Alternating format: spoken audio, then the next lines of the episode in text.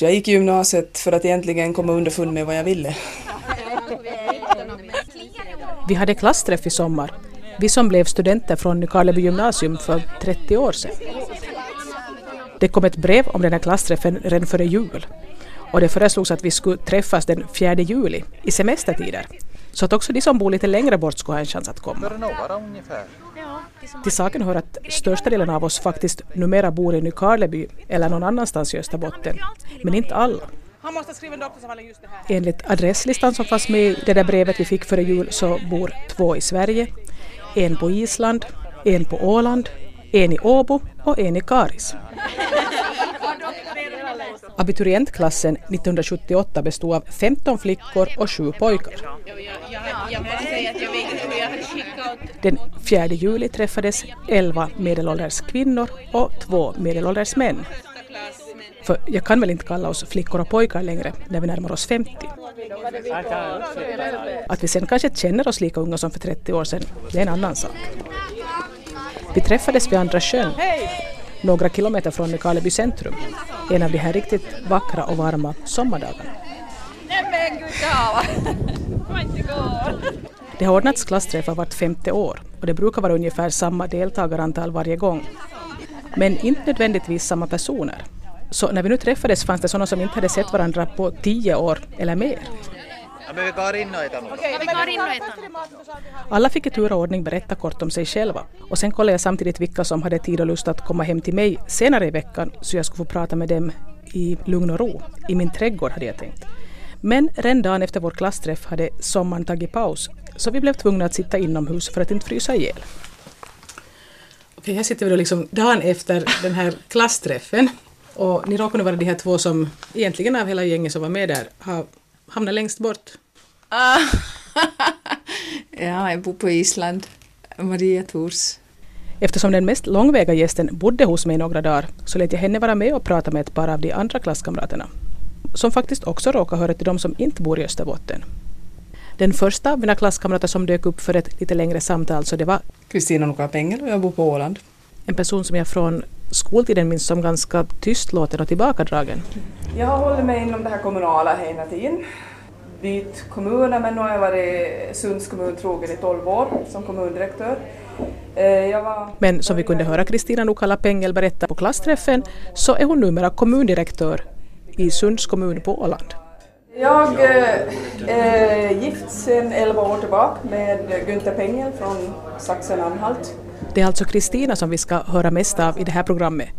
Men Maria Tors, eller Mia som jag har kallat henne sedan vi var små, hon som bodde hos mig, hon kommer också att höras en del.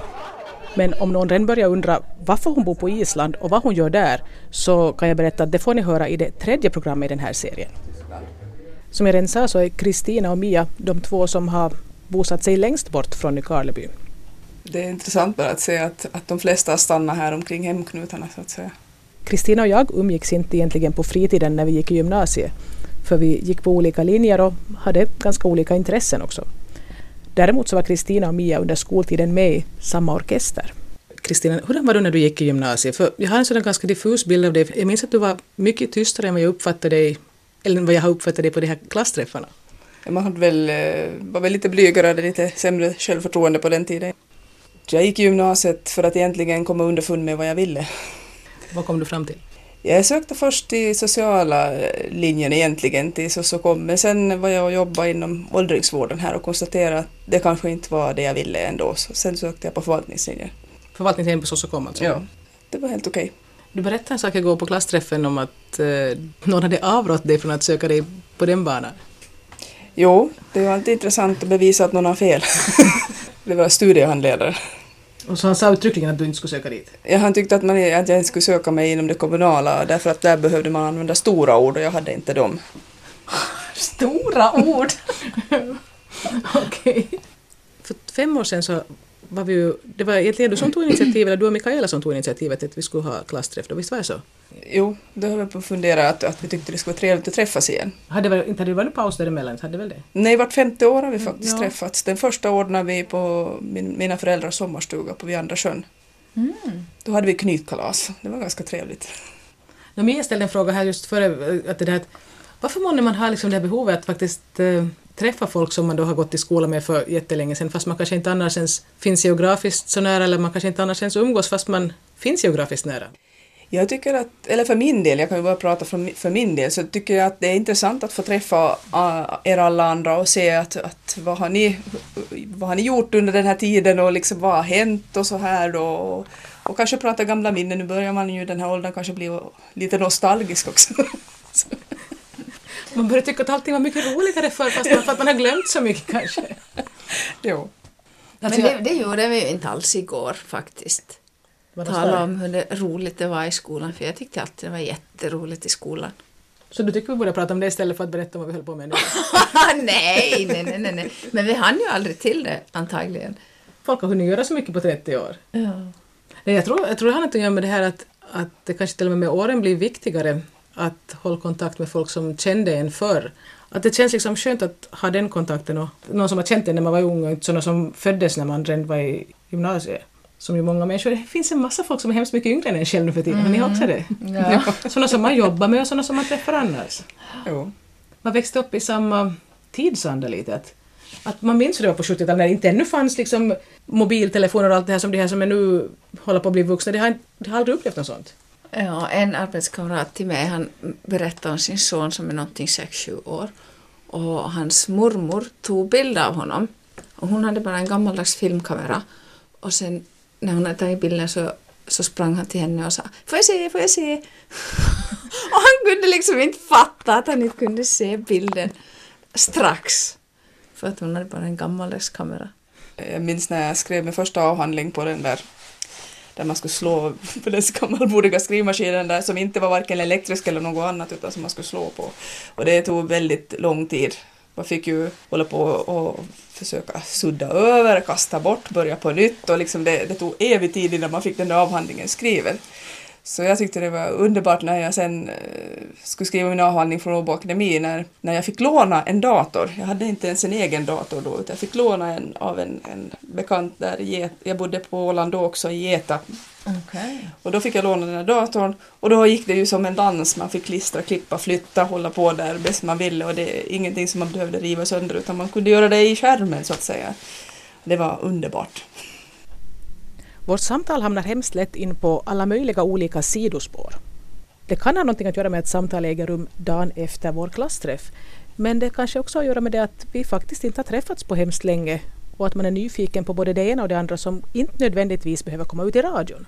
I något skede skärper jag mig i alla fall och försöker vara lite mer strukturerad. Och jag ber Kristina tänka tillbaka på hur det var när hon gick i gymnasiet, vilka ämnen hon då tyckte var viktiga och vilka andra saker som var viktiga i hennes liv på den tiden. Jag tyckte ju om att studera språk så det, det tyckte jag var roligt att lära mig nya språk. Därför valde jag ju språklinjen också. Men jag tyckte det var intressant när man hade Mias mamma där när hon, hon gjorde de där franska lektionerna till, till sånt att vi bakade baguetter och, och, och gjorde café och le och sådana här saker. Vi fick lära oss lite om vad ska jag säga, kultur, den franska kulturen också samtidigt. Så språk var liksom något du var intresserad av sådär som, som du tyckte att var roligt? Jo. Men du hade aldrig tänkt dig att språk skulle bli en sån där, eh, någonting du skulle studera eller du skulle bli översättare eller språklärare eller sånt där? Nej, det var ju samma som musiken. Jag höll ju på väldigt mycket musik. Jag fattar inte idag hur jag orkar med allting. Jag var i så många olika grupper och, och spelade två olika instrument så det var, det var, det var full fart hela tiden men, men eh, på något sätt så var ja, man hann. Men du, vad var det du spelade? Fiol och klarinett. I vilken grupp var du tillsammans med Mia också? Va? Skolorkester. Ja, Nykarleby skolorkester. Och du spelade? Först spelade flöjt och sen spelade jag barytonhorn. Så du tyckte om musiken, det var något roligt? Det, tyckte du, det, var liksom... ja, det var mitt liv mer eller mindre men att, att jag, det valde jag liksom att inte studera på att jag blev musiker så att säga. Eller, men sen det kanske hade varit mera min grej. Du tror det? Jag höll ju väldigt mycket på med det. Ja, ja. Nu har jag inte tid längre. Jag hade ju sällskap på stadiet när jag gick i gymnasiet. Var det så att du prackade med några pojkar, att du höll på med några pojkvänner på den tiden? Nej. Var det något som du tyckte att du skulle ha velat ha? Mm, det ville väl alla flickor på något sätt, säga. Men, men eh, nej, jag hade nog fullt upp ändå. Vi pratar vidare om det här med skoltiden och det där att vi alla tre gick i samma skola först i gymnasiet. Alltså vi, vi var ju med i den där eh, förändringsprocessen vi. För att det var ju i samband med att, att Eh, vi kom till, eller vi, vi skulle börja sjuan, då blev det högstadium. Mm. Så då började det ju heta högstadium och sen när vi hade gått ut högstadiet så då kom vi till gymnasiet. Och där blev det ju den här, eh, jag antar att ni som hade gått och som skulle börja på, var det klass 6 eller vad var det ni skulle börja på? Jag pratade med Mia, Ja, ja. Vi, vi började på ettan men ni började på sexan och det Ja. där blev, tror jag blev lite sådär, för det var den sista årskullen som gick i den så Ja. kallade gamla samskolan som då plötsligt skulle bli gymnasium och så kommer vi från högstadiet då en hel hög. Mm. Ja, det var helt mitt i det här, precis i det här Jo, brytningsskedet. och det tycker Ja, jag vi var, var intressant. alltid yngst. Fem år. Maria Tors och tre av de andra som var abiturienter i Nykarleby 1978 hörde alltså till den sista gruppen som hade gått i samskolan. Men upplevde ni som kom via samskolan att ni var på något vis annorlunda än oss som hade kommit i en sån där stor hög som... Nej, det tror jag inte, men lite kanske privilegierade. För ni haft mindre klass och... Ja. Och så kände vi lärarna också. För det var egentligen samma, lärare. Ja, förstås, som fortsatte ja. Men försök att få de där klasserna före oss då. Mm. Medborgarskola, mellanskola, samskola. Det fanns flera olika varianter. Ja. Men de la ju ner allt det där då och så blev det där högstadium och gymnasium Ja. som ju har fortsatt nu då. Och det var ju vi som var den första, första klassen. Där. Ja, precis. Jag frågade Kristina hur hon förhöll sig till själva studentexamen. Om hon gick omkring och var nervös för det här mognadsprovet. Det var jag inte. Jag tog ett år i gången. Ja. Jag tog det inte där som något. Något jag, jag, ku- jag kunde nog ha satsat betydligt mer. Kommer du från ett hem där det fanns andra som hade just eh, högskolestudier eller hade liksom skrivit studenten? Nej. Var du första i släkten? Eh, Ja, det var jag väl ja. Det var mitt eget val, det var ingen som tryckte på eller något sånt. inte, Utan jag sökte och kom in och jag hade sådana betyg så jag klarade av det då, tydligen. Mia däremot kom från en familj där man hade studietradition. Det fanns ingen, eh, du vet, ingen val. Du måste. Ja, det tyckte jag. Så fast du skulle vilja fast söka till, Yrkesskolan? ja, till här svetsarlinjen och sådant så det skulle inte vara en chans. Nej, det tror jag inte. Och du håller på att pynja ganska mycket med mopeder Ja, och ja, sånt. Jag satte ihop en hel moped när jag var 15.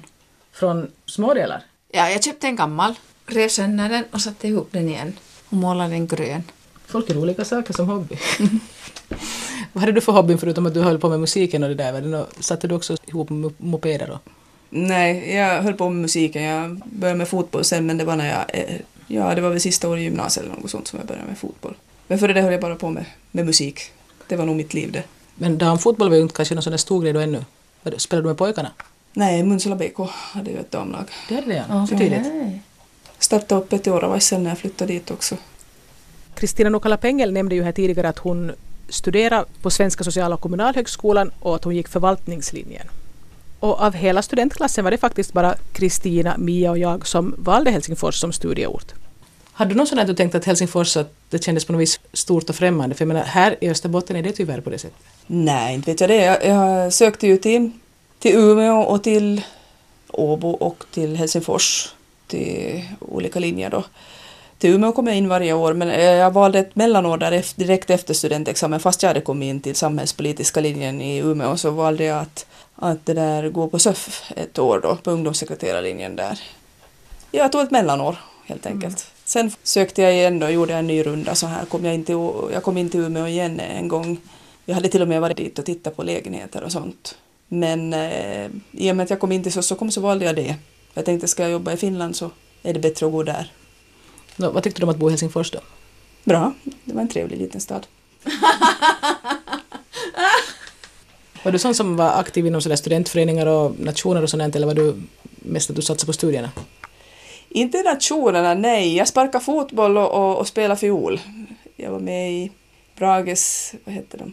De håller på med folkdans. Jag spelar för folkdansarna, eh, alltså jag spelar för de här mindre folkdansarna och sen dansar jag själv. Också folkdans och sen var jag och sparkade fotboll också. Musiken är en, en tråd, röd tråd. Det märker det, ja.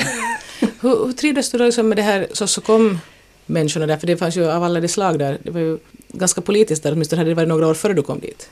Att Det vet jag inte om jag engagerar mig i. Jag är fortfarande inte så engagerad i det på det sättet inte. Men inte kan det ju gått dig helt förbi vad som var på gång där. Nej, men eh, vi var ju ett gäng från Österbotten som bodde, vi hade hyrt en lägenhet där vid Svenska Lutherföreningen hade ett sånt där rivningshus där. Som Mhm. de, vi fick hyra för ett år i gången men vi fick nog bo kvar hela tiden jag studerade där i alla fall. Så vi var, vi var flera stycken där från Österbotten så var det en liten egen nation där. Men umgicks du med några helsingforsare eller några andra än de här österbottningarna där? De som var, gick på samma linje förstås. Jag menar på fritiden. Inte så mycket, nej. Nej, för jag har liksom den här teorin om att, att det nog fortfarande finns en ganska stor sån här klyfta mellan österbottningar och helsingforsare, att man gärna håller sig för sig själv. Och det är ömsesidigt. Alltså jag tror att de också drar sig för att befatta sig med österbottningar och vice versa. Ja, det, det är nog lite så att vi, vi höll mera ihop, vi som var från Österbotten. Man lärde känna flera där som gick i SOS och kom från Österbotten. Så att man har hållit kontakten med, med flera av dem efter det. Men hur hamnade du till Åland? Ja, jag hade fått eh, direkt jag blev klar så fick jag jobb, eh, ordinarie jobb på i Oravais kommun där som planerings, näringsombudsman, planeringssekreterare och när jag hade jobbat fyra år där så tyckte jag att det var dags att prova på något annat. Ah. Och då tänkte jag att det skulle vara trevligt att, att flytta bort lite och titta sig omkring. Jag är inte sådär så att jag måste sitta fast någonstans. Så tittade jag, det var två tjänster lediga samtidigt på Åland. Den ena var Geta, den andra var på Brändö. Och så tittade jag på kartan. Måste jag säga att jag visste inte riktigt var de låg de där. Men du visste Jag var vet- Åland låg? Jo, eh, dit hade vi varit på klassresa på, på när vi gick i högstadiet. Så det visste jag. Eh, Men Brändö konstaterade att det var en ö och alltså verkligen en ö. Geta låg ju också på en ö men den var betydligt större så där kunde man ju köra, man blev inte så bunden så att man kunde ju köra runt där i alla fall. Om man tar bilen med och så vidare. Så att, att det, det kändes tryggare på något sätt. Så jag sökte dit, inte till Brändö. Och du fick det? Och jag fick det jobbet. En sak som jag har verkligen intresse av att veta, som slog mig att allihopa talar så mycket dialekt. Jag trodde det var liksom något som hade slutat och jag märker att du har helt lagt bort dialekten. Men frågan är, talar du någon, någon dialekt? Jo, det gör jag. Nu gjorde jag det igår kväll också men att, att eh, Ja. om man talar högspråk till mig så svarar jag på högspråk. Ja, ja. Jag kan ju förklara att Mia flyttade från Helsingfors till Nykarleby när hon var fem år gammal och hon hade alltid högsvenska som hemspråk fast hon bodde i Nykarleby. Ifall det var någon som undrar. Men vi höll alltså på att prata om det här med Kristina och Åland. Du sökte då till den större av de här, nej, till det som var mera fastlandsaktigt där i... Det, det som var mera fast, det var inte, de, nej den var inte större, inte, den var lite mindre till och med än Brände men Hur liten kommun var det? 460 invånare hade de väl då. Hur gör man för att komma in i en så liten kommun som utomstående? Det tror jag nog går ganska bra, särskilt om man är ogift och flyger kvinna. Och de hade många lediga ungkarlar. Så du hade bara liksom att låta den komma på rad och du fick välja? Ja, nej, det, nej. Jag blev, jag blev aldrig bofast där. Men du var liksom singel och ledig då hela den tiden när du Jo, bodde i Helsingfors alltihopa? Men Kristina Nukala Pengel är ju inte längre singel. Och det att hon inte längre är singel har indirekt att göra med hennes intresse för språk. Det är alltså, att förbättra den här språket så började jag, ja det var medan jag var i Maxmo jo, så hade jag en kollega som, som hade Var via Maxmo efter? Geta. Okej. Mm. Så då, då hade jag en kollega i Vörå som, som berättade att hon hade skrivit in sig i den här International Pen Friends Club, den här som vi också hade i högstadiet. Och då så tyckte jag att ja, men, kan man ha det som vuxen också, att det där lät väldigt intressant. Och så gav hon mig adressen dit och så skickade jag där och skrev att jag ville brevväxla på engelska och tyska för att liksom förbättra min tyska, för den hade ju liksom farit ganska mycket under de här åren. Jag kände att den var inte bra. Alltså jag, jag fick eh, massor från Tyskland, massor med brev. Hur nu så hade du liksom marknadsfört dig liksom extra? Nej, bara det att jag skrev att jag ville skriva på tyska. Ah, okej. Och då fick du många därifrån då? Jo, och det märkte man ju då att man hade legat av sig otroligt för då fick man sitta med grammatikboken och med, med, med den där uppslagsboken.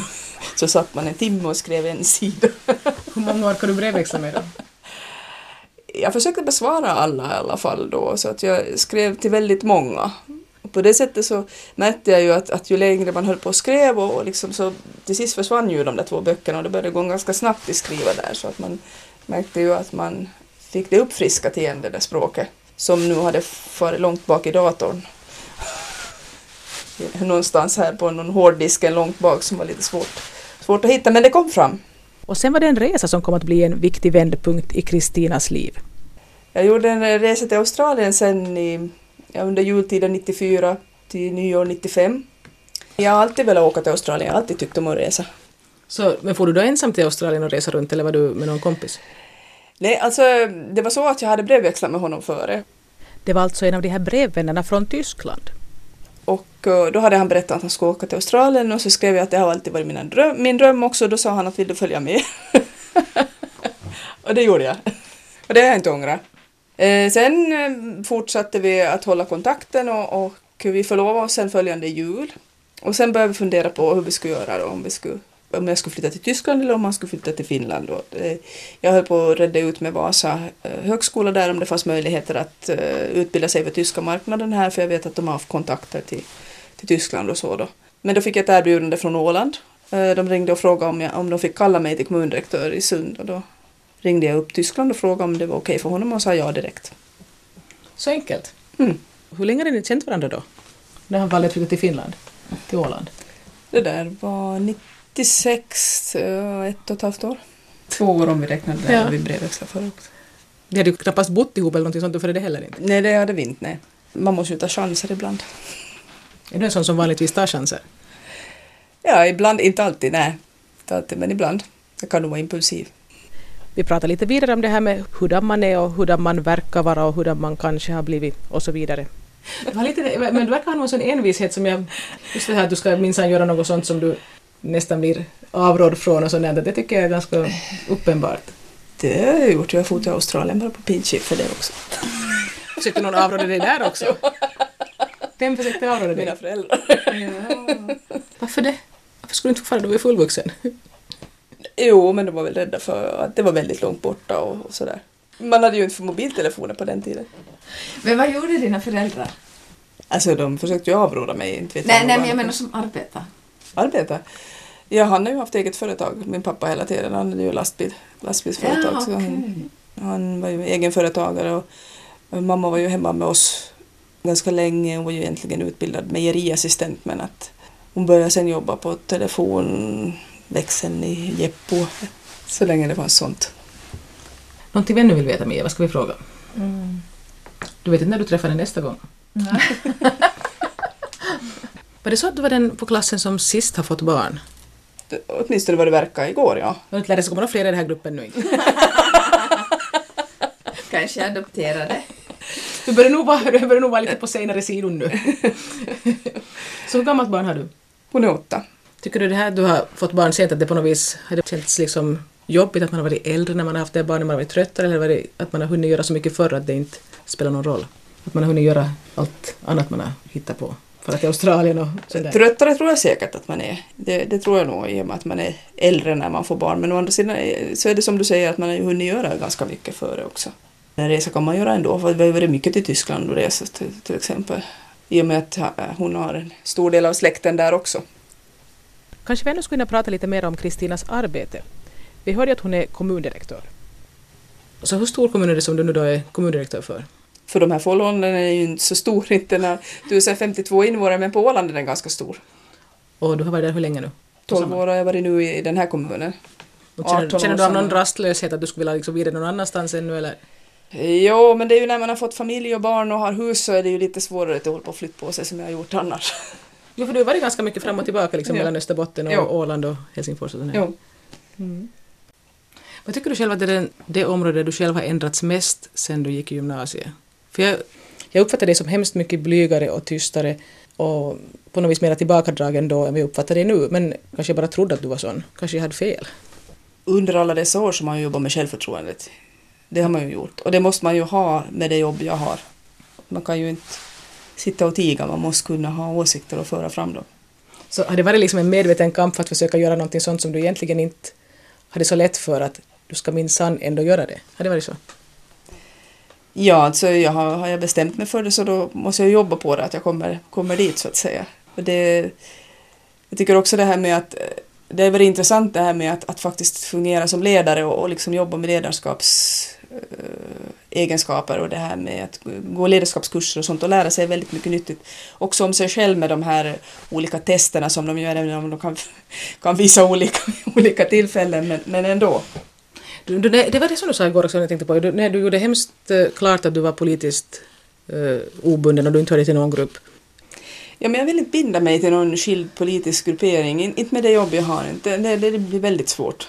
Utan uh, jag, måste, jag måste kunna följa min linje oberoende. Liksom vad det finns för, för olika åsikter finns det i alla olika grupperingar. Och har man fem grupperingar i fullmäktige så, så tror jag nog man ska hålla sin egen linje. Vad är det roligaste med ditt jobb då? Det är omväxlande, det händer nya saker hela tiden. Det är väldigt ansträngande men det är intressant och omväxlande. Det är ju en utmaning att få det att funka. Alltså man måste ju få det att fungera i sådana här små miljöer och, och det är ju, det är ju, de flesta väljs ju numera i, av, av tjänstemän så att säga. Att, att det är ju inte så mycket fullmäktige och styrelse som styr det. Det är ju de ledande tjänsteinnehavarna som väljs av, av fullmäktige då så att säga. Men där är man ju inblandad och man måste ju titta lite på det där. Det är ju just med de där personligheterna, så att man ser vad det är för olika personligheter. För man behöver ju av alla olika personligheter i, i en grupp. För det, alla har sitt att bidra med så att säga. Det gäller ju bara liksom att få det att fungera sen. Men det verkar lite parallellt till vad Mia berättade igår om hur hon har en... Du hamnar utbildad på det här med ledarskap och sånt du också. Ja, det är en utmaning. Jag tycker inte så hemskt mycket om det. Nej, men, men jag tycker det är intressant just, precis som du sa, att man, man lär sig så mycket om sig själv också. Och, och, att man liksom kan bara ändra på sig själv och inte på andra. Och att utveckla sig. Jag ser att Kristina börjar titta på klockan lite här. Är det någonting du undrar om Mia och hennes liv som du skulle vilja fråga som kanske jag inte ens kommer att tänka på därför att jag har haft kontakt med Mia hela tiden? Det var det jag tänkte att, att hur hon hamnade på Island. Liksom, var det ett medvetet val det också eller? Ja, nej. Nej, det var faktiskt så att, att jag hade ju planerat helt fast att jag skulle bli jurist. Eller rättare sagt någon sorts advokat. Och sen kom jag inte in till juridiska. Och så blev jag bekant med en familj på Island och eftersom jag inte kom in till juridiska så eh, sa de att kom bara till Island och lär dig isländska istället. Så länge du väntar på vad du ska kunna göra istället. Sen tänkte jag okej, okay, jag får till Island då ett år som du, ett mellanår. Men sen när jag var på Island så tyckte jag det var så jättefint så jag bara blev kvar. Så började jag studera och så fick jag bra jobb och sådär. Så var det ingen åter, återvändo. Så det är frågan om hur mycket vi väljer egentligen medvetet här i livet. Att det bara råkar bli så. Att det erbjuds en möjlighet till någonting och så märker man att det funkar ja. och så. Så sådana livsavgörande beslut kan fattas liksom på helt sådana Man fattar inte att det man gör egentligen. Ja. Att man mitt i allt väljer att... En liten sten kan välta ett tungt, tungt lass. din Australien var tydligen en ganska, sådär, ganska viktig punkt, sån vändpunkt i ditt liv att du for till Australien. Ja, det var det ju. Ja. Men visste du då när du for att det här kommer att bli en av de här viktigaste grejerna du gör? Nej, nej, hur skulle man kunna veta det? Det var bara äventyr. ja. Det är något som jag har drömt om hela tiden och, och jag hade inte vågat resa ensam och på det sättet jag fick en reskompis och då men anar du att det skulle bli mer än en reskompis? Nej, det kan man ju inte veta då. Vi kom bra överens vid brevskrivningen men det kan man ju inte veta när man inte har träffat personen. Hur, det är ju på vinst och förlust. Eller hur är det Mia?